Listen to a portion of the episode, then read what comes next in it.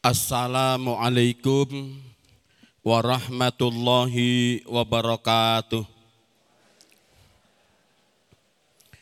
Innal hamdalillah nahmaduhu wa nasta'inuhu wa nastaghfiruh wa na'udzu billahi min syururi anfusina wa min sayyiati a'malina may yahdihillahu fala mudhillalah wa may yudlil fala hadiyalah Asyhadu an la ilaha illallah wahdahu la syarikalah wa asyhadu anna Muhammadan abduhu wa rasuluh. Allahumma salli ala nabiyyina wa habibina Muhammadin wa ala alihi wa sahbihi wa barik wa sallim ajmain. Ahinal kiram, para ustad, ustadah, para alim, linangkung datang Ustadz Heri, soho sak rombonganipun sedaya ustadz ingkang wonten ing Pondok Pesantren Subul Salam Nusantara ingkang kala takrimi.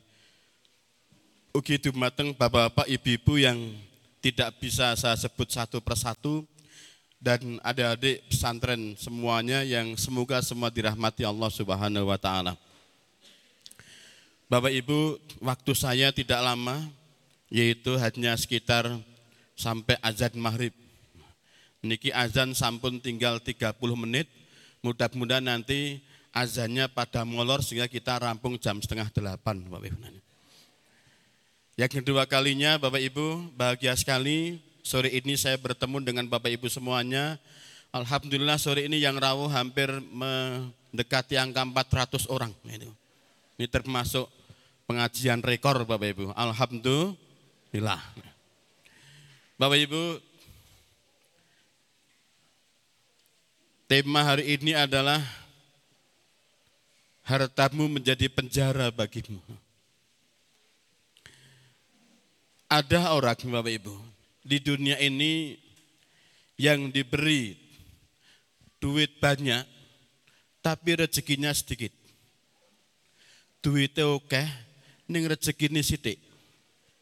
Kok sakit? Ya, Ternyata banyak di luar sini orang yang duitnya banyak, tapi hidupnya nggak pernah bahagia. Duit oke, okay. tabungan tengklecek, tapi nggak pernah uang itu keluar untuk sedekah. Nggak pernah uang itu keluar untuk kebaikan. Nggak pernah uang itu untuk dibelanjakan di jalan Allah dan uang itu hanya habis untuk kegiatan royal. Uang habis hanya untuk sia-sia. Uang habis hanya untuk nuruti hawa nafsunya. Duit oke, okay, tapi rizkinya sidik. Dilalah duit oke okay mawon tekane bocah nggih dadine bocah sing dora karuan kabeh. Rumah tangganya juga enggak bahagia. Anak-anaknya juga pada kurang ajar Bapak Ibu dan hidupnya nggak pernah mengalami yang namanya kebahagiaan. Kenapa seperti itu? Sebab harta yang dimiliki tidak ada keberkahan di sana. Naudzubillahimin dalik. Ada orang yang duitnya banyak tapi rezekinya sedikit. Nah, ini masalah Bapak Ibu. Tapi Bapak yang saya hormati, selain itu ada juga orang yang rezekinya banyak Neng duitnya sedikit. Nek wau menika orang yang moncer jur ciloko. Kalau yang kedua ada orang yang duitnya sedikit tapi rizkinya banyak. Duit ming sitik. Bondo ming sitik, tapi ketika dicaki ternyata nggih urip juga adem, ayem. Ternyata ketika dicaki, untuk keperluan harian juga mencukupi. Untuk kebutuhan lain juga mencukupi. Bahkan dia masih bisa sedekah dan uang yang sedikit, harta yang sedikit itu untuk ibadah juga bisa istiqomah. Itu tanda kalau hartanya barokah.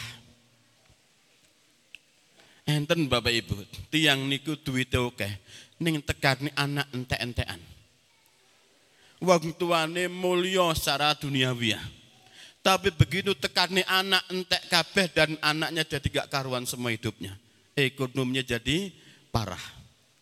Tapi ada orang tua yang hartanya sedikit. Tapi karena berkah Bapak Ibu. Ternyata buat menghidupi anak juga bisa barokah. Subhanallah. Lalu yang ketiga Bapak Ibu. Ada orang yang hartanya banyak. Tapi rizkinya juga banyak Niki sing angel Bapak Ibu. Bondone kathah ning rezekine yo kathah. Ini golongan orang-orang khusus Bapak Ibu. Harta yang dimilikinya itu benar-benar manfaat, benar-benar harta itu dibelanjakan ke jalan yang benar dan benar-benar dia itu hati-hati jamarimakumullah. Ke mana ini harus dilarikan? Maka orang yang seperti ini Bapak Ibu, kalau jenengan kenal kali tiang ngeten iki, dijak konco. Nah itu. Itu konco yang akan nyelamat ke kita. Itu konco yang bisa sampai dunia akhiratnya kita akan bisa bersama-sama. Orang yang baik. Maka Bapak Ibu, harta yang paling baik itu ketika harta dipegang oleh orang yang beriman. Ketika harta itu dipegang oleh orang beriman, pasti hartanya manfaat pasti hartanya maslahat. Karena mereka paham ke mana harta harus dilarikan, ke mana harta harus pergi. Dia paham. Lah paling parah sih nomor sekawan Bapak Ibu. Sudah melarat rezekine sithik. Melarat rezekine cilik.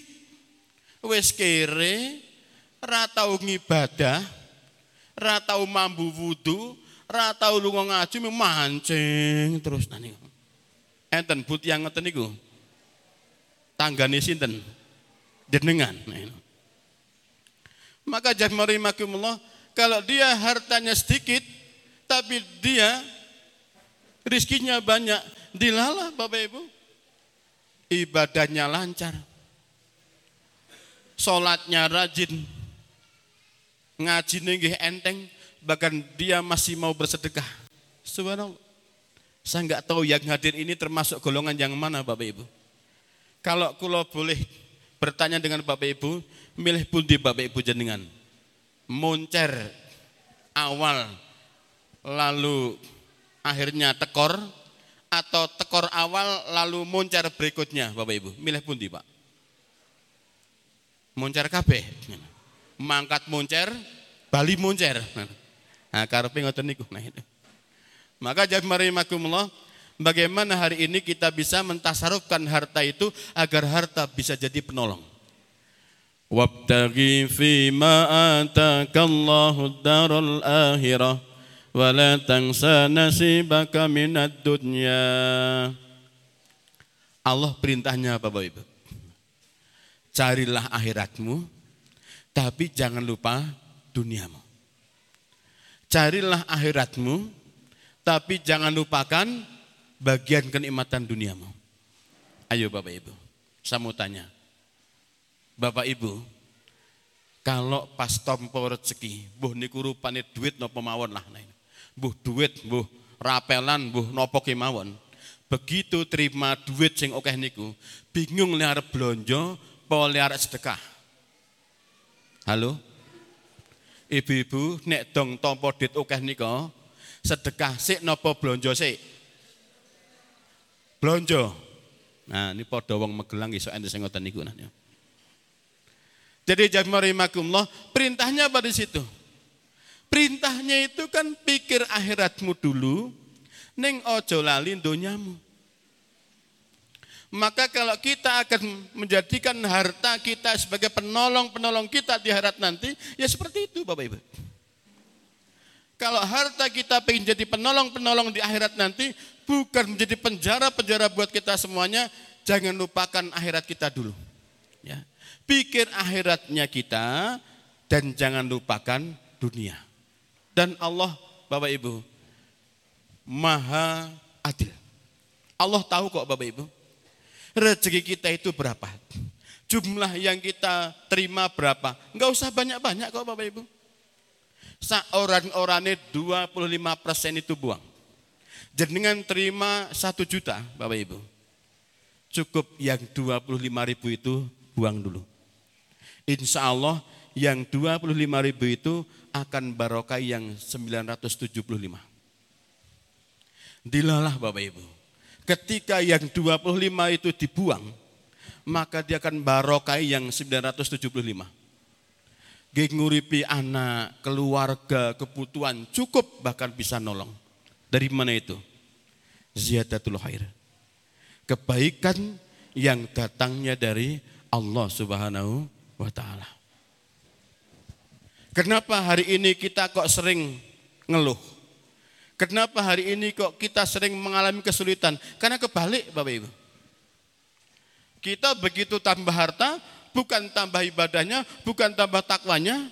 Begitu tambah harta, bukan ibadah yang ditata. Begitu dapat harta, maka belanja yang dipikir. Begitu tambah harta, maka kekayaan yang dia pikirkan. Begitu tambah harta, maka hawa nafsunya itu ke mana-mana. Nah kalau itu ada pada diri kita Bapak Ibu, tidak akan mengalami hidup yang bahagia. Maka kebahagiaan itu apabila kita mendapatkan nilai rezeki berapapun di hadapan Allah, maka gunakan itu takwa dulu. Insya Allah yang seperti itu akan menolong kita semuanya. Jangan sampai kita diberi harta, tapi kemudian lalai kepada Allah Subhanahu wa taala. Bapak Ibu, di dalam surat Al-Ankabut ayat 39. A'udzu billahi minasyaitonir rajim. Wa Qarun wa fir'auna wa hamana wa laqad ja'ahum Musa bil bayyinati fastakbaru fil ardi wa ma kanu sabiqin.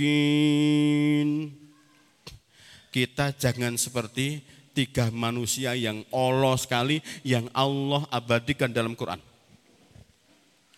Ada tiga orang yang paling elek sealam dunia dan itu elek di dunia dan elek di akhirat.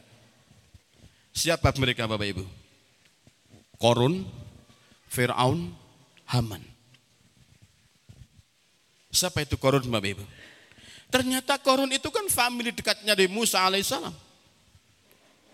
Ketika Korun itu masih miskin Bapak Ibu. Dia dekat dengan Nabi Musa alaihissalam. Dia juga ibadah, dia juga taat, dia juga tertib Bapak Ibu. Lalu dia minta, ya Musa doakan saya agar saya punya harta. Doakan saya agar saya bisa bahagia. Saya miskin ya Musa, doakan. Korun minta didoakan. Akhirnya Bapak Ibu didoakan kaya dia. Begitu semakin kaya, semakin kaya, semakin kaya, yang terjadi bukannya koron itu semakin beriman dan beribadah, bertakwa kepada Allah, tapi justru dia lalai kepada Allah. Pelan-pelan dia meninggalkan syariat, pelan-pelan dia meninggalkan tauhidnya. Akhirnya apa Jamarima lepas dari ketakwaan kepada Allah Subhanahu wa taala. Dan ketika Nabi Musa alaihissalam mengutus salah satu sahabatnya untuk datang ke rumah Korun untuk menagih zakatnya. Apa kata dia? Musa hanya ingin memiskinkan saya. Musa hanya ingin memiskinkan saya. Bayangkan Bapak Ibu, yang mendoakan Nabi Musa, begitu dia kaya, dia akan ditarik zakatnya. Apa kata dia? Dia memfitnah Nabi Musa akan memiskinkan dia. Dan korun Bapak Ibu, itu adalah satu-satunya orang saat itu yang selalu glamor. Dia suka menonjolkan kemewahan. Dia suka menunjukkan hartanya ke mana-mana. Bahkan korun itu menurut kisahnya, kalau dia pergi dari rumah, dia selalu dikawal oleh bidadari-bidadarinya. Jadi korun itu Bapak Ibu kalau keluar dari rumah, itu bidadarinya itu sudah satu kendaraan dengan dia. Banyak sekali. Maka kalau sekarang ada seseorang, entah itu orang kaya, entah itu pejabat, entah itu konglomerat, kok keluar dikawal sama gadis-gadis cantik, itu ya enggak ubahnya seperti korun. Ada enggak Bapak Ibu? Ada enggak Bapak Ibu? Banyak. Orang hebat, orang kaya, konglomerat, mungkin Bapak Ibu, agar keluar rumah kanan kirinya adalah wanita-wanita cantik. Tidak usah gumun. Korun sudah duluan seperti itu. Korun Bapak Ibu. Akhirnya apa? Binasa kok Bapak Ibu. Binasa. Maka sejarah akan terulang. Nah ini Bapak Ibu. Sejarah akan terulang. Korun itu jamarimakumullah. Simbol orang yang kaya tapi dia nggak punya iman. Orang kaya tapi nggak takwa. Orang kaya tapi sombong. Hancur Bapak Ibu. Jadi kalau kita sekarang punya harta yang berlimpah, kok ming sombong tok Bapak Ibu, ming tinggal nunggu waktu. Kapan hancurnya? Maka Allah akan tunjukkan ayatnya satu demi satu Bapak Ibu. Tapi kebanyakan kita nggak pernah memperhatikan apa yang telah terjadi sebelumnya. Makanya jamari makumullah, sejarah pasti akan terulang. Dan Quran itu sebagai apa Bapak Ibu? Pelajaran buat kita. Dan itu mestinya Bapak Ibu kalau kita orang yang beriman bisa melihat. Kenapa harus ada seperti itu? Karena ulahnya sendiri. Bima kasabat aidinas. Korun Bapak Ibu. Siapa itu Haman Bapak Ibu? Haman itu ternyata menterinya Fir'aun. Menteri apa dia? Menteri segala urusan. Itu Haman. Dan ternyata Haman itu arsitektur hebat. Fir'aun itu arsitekturnya adalah Haman. Semua bangunannya bangunan Fir'aun, istana-istana Fir'aun itu yang desain adalah Haman. Dia arsitek hebat ternyata. Sampai Fir'aun pernah perintah sama Haman. Supaya apa? Haman, buatkan menara yang paling tinggi agar aku bisa melihat Tuhannya Musa. Saking sombongnya. Fir'aun pernah kepengen membuat menara tertinggi Bapak Ibu untuk melihat Tuhannya Musa. Bayangkan jamari makumullah. Haman itu orang yang cerdas, orang yang pinter, intelektualnya tinggi, tapi nggak punya iman. Hancur juga Bapak Ibu. Maka Haman itu adalah simbol orang yang punya intelektual tinggi, tapi nggak punya iman. Hancur juga. Kenapa jamari makumullah? Korun itu menempel pada penguasa. Korun menempel penguasa agar dia bisa cepat kaya. Akhirnya dia menjilat Fir'aun. Bagaimana caranya? Kaya benar. Haman pinter juga, cerdas. Dia menjilat kepada Fir'aun. Muncar juga, hancur. Terakhir Fir'aun itu sendiri, jamarimakumullah. Yang mereka mengaku sebagai Tuhan. Apa di sini Bapak Ibu? Tetapi mereka baru fil ardi wa ma sabikun.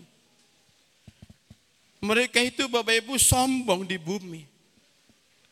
Dan mereka orang-orang yang tidak luput dari azab Allah. Maka kita Bapak Ibu berkaca dari tiga orang tengik tadi itu Bapak Ibu. Cukup Pak Bapak Ibu. Kalau kita jadi penguasa, jadilah penguasa yang adil. Kalau kita jadi orang kaya, jadilah orang kaya yang dermawan. Kalau kita pun jadi orang pinter, jadilah orang pinter yang beriman. Agar apa Bapak Ibu? Ilmunya bisa manfaat untuk orang lain. Kalau tiga-tiganya itu tidak kita miliki Bapak Ibu, berdoalah kepada Allah. Agar Allah menagerahkan kepada kita semua apa pun kenikmatannya untuk kemaslahatan dan kebaikan. Lalu jawab rahimakumullah. Mari kita lihat Bapak Ibu. Nah, dalam hadis riwayat Ahmad. Idza ra'aita Allah Ta'ala yu'til 'abda minad dunya ma yuhibbu wa huwa muqimun ala ma'asihi fa inna ma dzalika minhu istidraj. Ini yang sering kita kita dengarkan Bapak Ibu. Barang siapa bila kalian kata Nabi bila kamu melihat Allah memberi kepada hamba dunia. Berupa dunia itu berarti ya perhiasan dan sebagainya. Dia diberikan sesuatu yang diinginkan, yang dicita-citakan. Sementara dia ada, adalah ahli maksiat. Sementara dia itu adalah ahli maksiat. Tapi hidupnya berkelimang dengan harta. Sementara dia itu ahli maksiat. Apa kata Nabi? maka ketahuilah bahwa hal itu adalah istidraj. jebakan berupa nikmat yang disegerakan dari Allah atau itu adalah azab yang tertunda.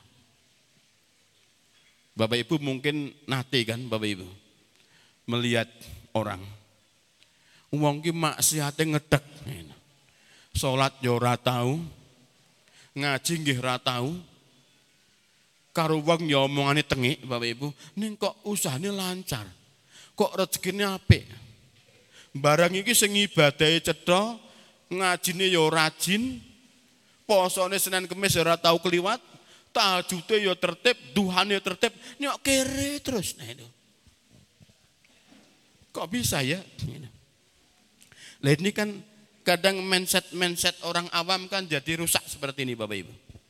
Nek pengen suge tahajud, pengen suge duha, nah itu. Wes duha ra suge-suge. Akhirnya apa? Mutung dia Bapak Ibu. Aku tak rewangi duha nganti bathuke bengor nih, nah itu. Nyatane ra suge-suge. Lah kalau duha itu mare suge, wong doran jambut gawe Bapak Ibu, ming duha terus. Nggih Bapak Ibu? Maka kadang-kadang mindset seperti ini perlu diluruskan. Duha itu ibadah. Tahajud itu juga ibadah. Sholat itu ibadah. Maka apa perintah Allah? Perbaiki ibadahmu, Allah akan memperbaiki rizkimu. Tadi Ustadz sudah nyampaikan kan? Ustadz Heri. Sudah sampaikan. Kita kadang Bapak Ibu, hanya tertuju pada satu tujuan saja. Kita mengira bahwa Allah belum kasih pada kita semua. Padahal yang namanya rezeki itu beda dengan duit. Orang selama ini mindsetnya temri men siji. Sing jenenge rezeki niku ming bondo atau duit. Nek ditokeh berarti rezeki nokeh, tapi nek didisitik berarti rezeki ini sidik. Sepakat Bapak Ibu ya? Mindset loh Bapak Ibu. Ya kan? Wong nek ditokeh berarti rezeki ini Oke. Nek randidit berarti randuwe rezeki. Titik Bapak Ibu. Mari kita lihat Bapak Ibu. Apa bedanya duit sama rezeki? Kalau duit Bapak Ibu, berapapun jumlahnya mesti kurang. Tapi kalau rezeki, sedikit pun kalau itu rezeki datangnya akan barokah, bisa nyukupi. Ini duit Bapak Ibu. Kalau itu jumlahnya berapapun uang itu pasti kurang. Tapi nek rezeki sithik kaya ngopo itu akan nyukupi. Satu. Yang kedua Bapak Ibu. Apa bedanya duit dengan rezeki? Uang itu datang karena karena kerja. Uang itu datang karena usaha atau kerja. Tapi kalau rezeki datang karena takwa. Bedanya itu Bapak Ibu. Uang datang karena kerja, sementara kalau rezeki datang itu karena takwa. Gitu. Wa may yattaqillaha yaj'al lahu mahraja wa yarzuqhu min haitsu la yahtasib. Maka perbaiki ibadahmu, Allah akan perbaiki rizkimu. Selama kita belum mau memperbaiki ibadah kita, tidak mau memperbaiki niat kita Bapak Ibu, sampai kapan pun jamarimakumullah, hidup kita nggak akan bahagia maka perbaiki ibadahmu, Allah akan perbaiki rizkimu. Sebab rezeki datang karena takwa, Bapak Ibu. Tapi uang datang karena kerja. Dua. Yang ketiga Bapak Ibu. Uang Bapak Ibu. Itu kalau dipakai orang yang tidak beriman. Pasti Bapak Ibu uang itu hanya akan sia-sia. Berapapun jumlahnya. Kalau dipegang oleh orang yang nggak beriman, itu akan sia-sia. Tapi rezeki sedikit apa pun kalau dia datang kepada orang yang beriman, pasti masalahnya luar biasa. Maka tadi Bapak Ibu yang saya hormati, Ustadz tadi saya sampaikan tanah sebelah ini kurang ya, kurang. Bapak Ibu. Kesempatan kan Bapak Ibu? Idza matabnu adama ing amalu illa min salasin. Ingat kan Bapak Ibu? Nah, tiga perkara yang dibawa sampai mati. Mungkin kita belum terlalu mengharapkan anak soleh. Ya, anak kita belum mati Bapak Ibu. Nah, mungkin. Yang kedua, Kita belum bisa berharap dengan ilmu kita yang manfaat. Hanya satu Bapak Ibu, mumpung kita belum ketimbalan. Sodakoh jariah. Kata-kata Nabi, kelak setiap kalian apa akan bergantung dengan sedekahmu.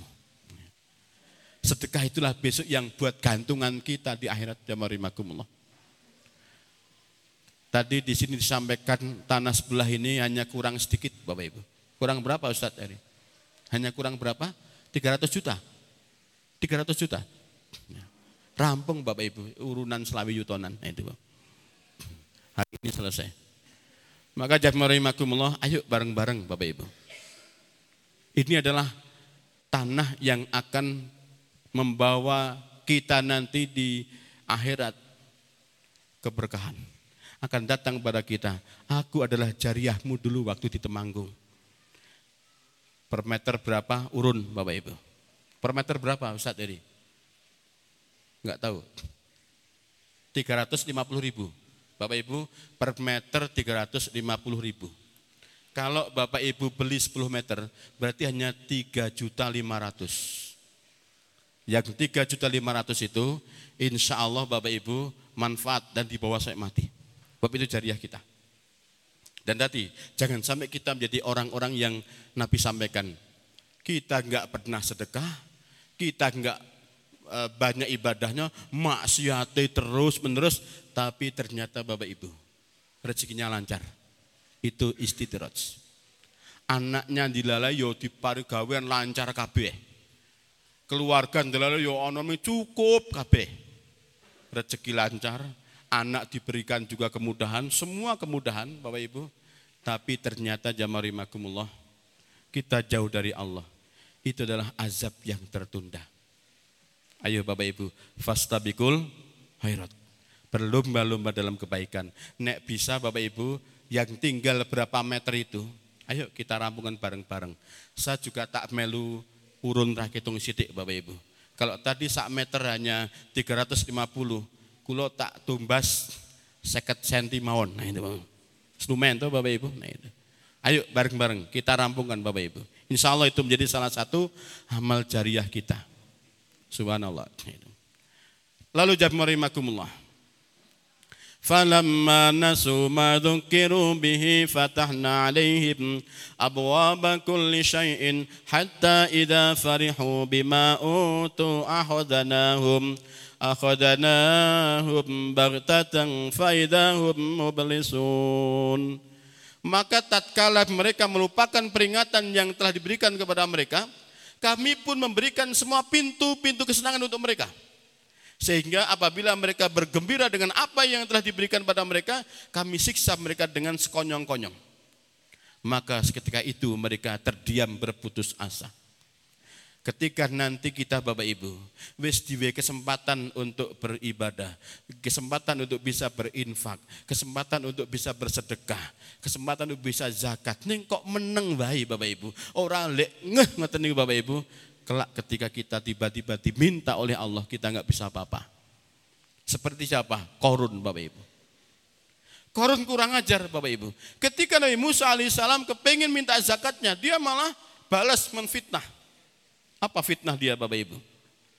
Ketika Korun itu jengkel sama Nabi Musa, dia perintahkan wanita-wanita cantik suruh ngomong. Nyebar hoax. Dia bayar wanita cantik untuk ngomong, aku berdizinai sama Musa, aku berdizinai sama Musa.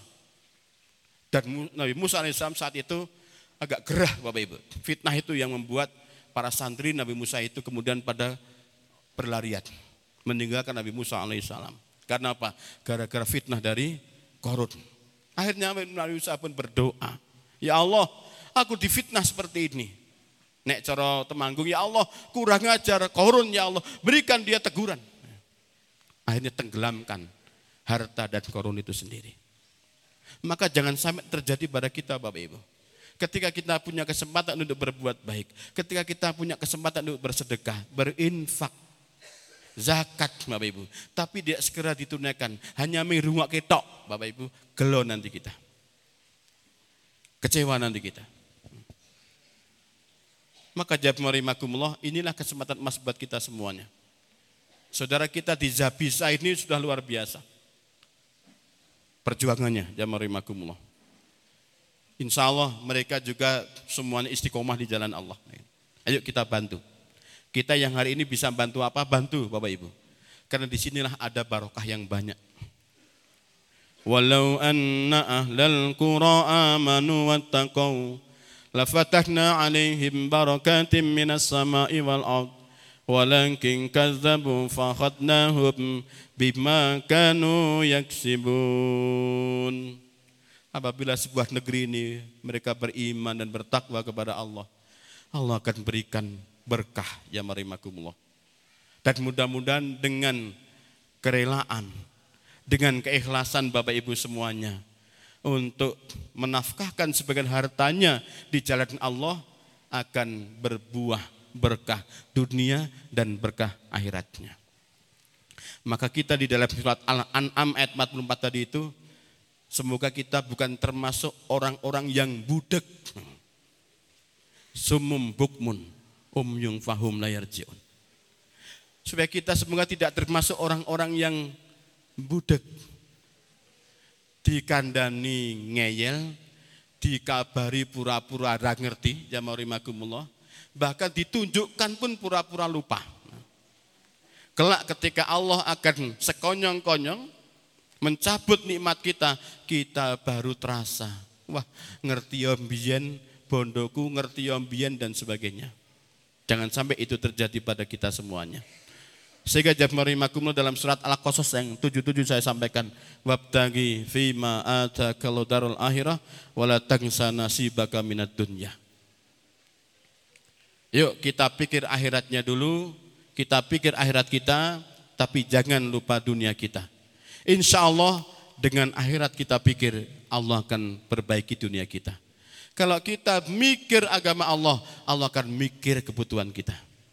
Kalau kita mikir perjuangan di jalan Allah, Allah yang akan mikir urusan kita semuanya. Dan itu pasti Bapak Ibu. Tergantung kita aja yakin atau tidak. Terakhir Bapak Ibu. Inna likulli ummatin fitnah. Wa fitnatu ummati almal.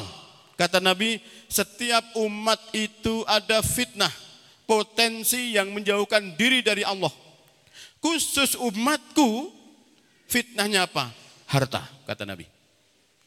Saben-saben periode itu ada potensi untuk meninggalkan dari ketaatan kepada Allah. Khusus umatku, kata Nabi, fitnahnya adalah harta. Betapa hari ini Bapak Ibu, tiang niku Bapak Ibu ribut-ribut joming masalah bondo. Gelut joming rebutan bondo. Tawur joming bondo. Lihat Bapak Ibu sekarang di acara TV itu. Kan cuma tiga larinya Bapak Ibu. Harta, nek harta meleset yo tahta, tahta meleset yo wanita. Tiga itu. Harta, tahta, wanita. Orang yang sudah punya harta, biasanya dia pengen lari ke tahta. Kalau sudah punya tahta, nanti mati ke wanita. Berapa banyak orang yang terjerumus dalam tiga lingkaran setan itu Bapak Ibu. Harta, tahta, wanita. Ada orang Bapak Ibu, diberi harta dia kuat. Tetap kuat dengan hartanya diberi tahta dia kuat dengan jabatannya yang tinggi itu dia kuat tetap sikoh. Ya begitu perhodalan bayi Bapak Ibu amblek itu. Ini jabmarimakumullah. Remuknya pada pada wanita. Harta, tahta, wanita. Maka kata Nabi, khusus umatku adalah semuanya fitnahnya pada harta. Banyak orang yang di antara kita itu awalnya bukan main dengan harta yang kita miliki itu. Maka dengan harta yang di awal itu menjadi musibah buat kita semuanya menjadi bencana buat kita semuanya. Bahkan harta pun kelak akan memenjarakan kita di hadapan Allah Subhanahu wa taala. Terakhir Bapak Ibu, sebagai penutup pengajian hari ini. Kita bacakan dalam surat Ali Imran ayat 14. Zuzina linnasi hubbu syahawati minan nisa'i wal banina wal qanatiril muqantarati minadzabi wal fiddah والحيل المسومة والأنعام والحرس ذلك متاع الحياة الدنيا والله عنده حسن المآب Dari awal sampai akhir Bapak Ibu, endingnya di sini. Dijadikan indah pada pandangan manusia, tertarik, rasa ingin memiliki, gandrung, dan sangat mengharapkan. Apa itu Bapak Ibu? Yang pertama adalah wanita-wanita. Siapa orang yang tidak tertarik? Bapak Ibu? Yang kedua siapa orang yang nggak pingin punya anak? Yang ketiga Bapak Ibu, harta yang banyak dari jenis emas, perak, kuda pilihan, binatang-binatang ternak, dan sawah ladang yang luas. Itulah kesenangan hidup. Zalika mataul hayati dunya. Kalau kita lupa dengan ini semuanya, padahal Allah sudah siapkan tempat yang mulia. Allah sudah siapkan tempat yang baik, yaitu surga. Kalau dunia hanya dihabiskan untuk mencari yang tadi Bapak Ibu, hanya untuk urusan wanita, untuk urusan anak, untuk urusan kemewahan, untuk urusan kekayaan, dihabiskan di situ jamarimakumullah, maka kontrak kita, kapling kita di akhirat juga ada apa-apa. Maka Allah katakan itu adalah kesenangan, kesenangan dunia. Jadikanlah itu semua untuk tabungan kita di akhirat. Jadikanlah itu semua untuk nanti kenikmatan kita di akhirat. Sebab itu adalah kenikmatan yang melalaikan. Wallahu indahu husnul ma'ab. Karena Allah sudah menyiapkan tempat kembali yang baik buat kita semua. Surga.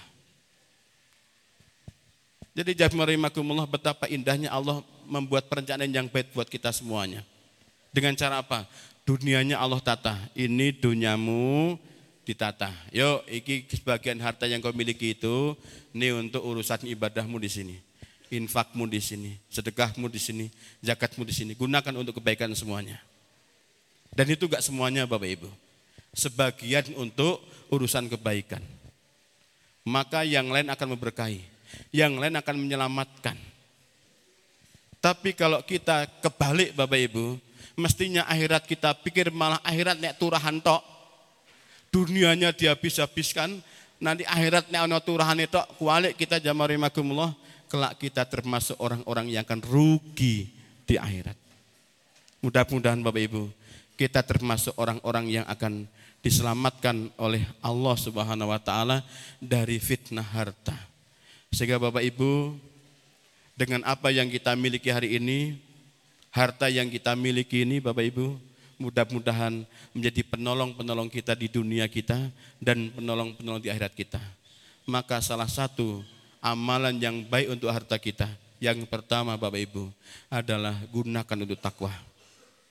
Harta yang Allah kasih pada kita semuanya. Dunia yang sudah kita berikan, diberikan Allah pada kita semuanya. Gunakan satu adalah untuk takwa.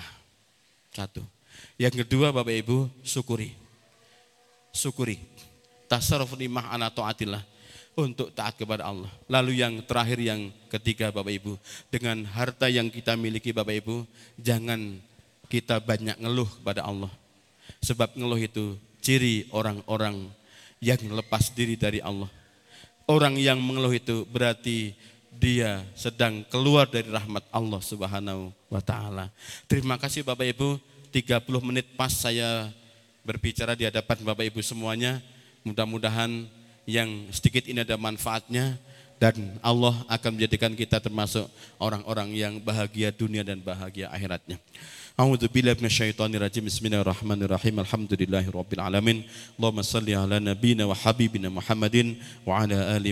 Ya Allah ya Rabb, Andaikan ada di antara saudara kami yang hadir ini yang ada sedang kesulitan ekonomi, ya Allah mudahkan urusan hartanya, rizkinya ya Allah.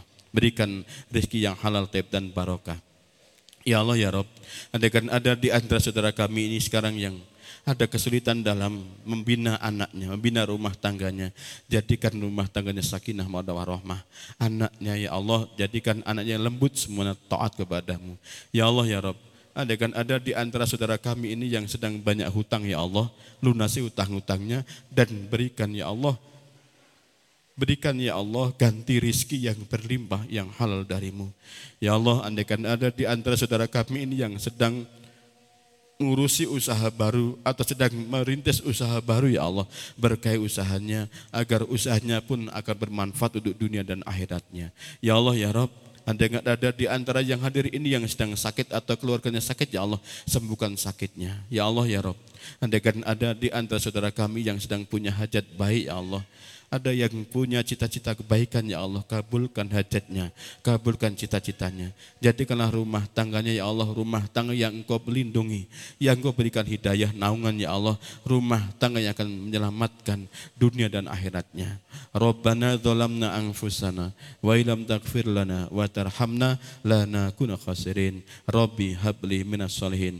Allahumma ighfirli wa liwalidayya warhamma kama rabbayani shahira. Rabbana dzalamna anfusana lana wa ilam taghfir lana wa tarhamna la nakunal khasirin rabbana atina fid dunya hasanah wa fil akhirati hasanah wa qina adzabannar sallallahu ala nabiyyina muhammadin subhana rabbika rabbil izzati amma yasifun wa salamun alal mursalin walhamdulillahi rabbil alamin Terima kasih dan mohon maaf yang sebesar-besarnya. Mudah-mudahan Allah senantiasa memberikan kepada kita hidayah supaya kita bisa selamat dunia dan akhirat. Assalamualaikum warahmatullahi wabarakatuh.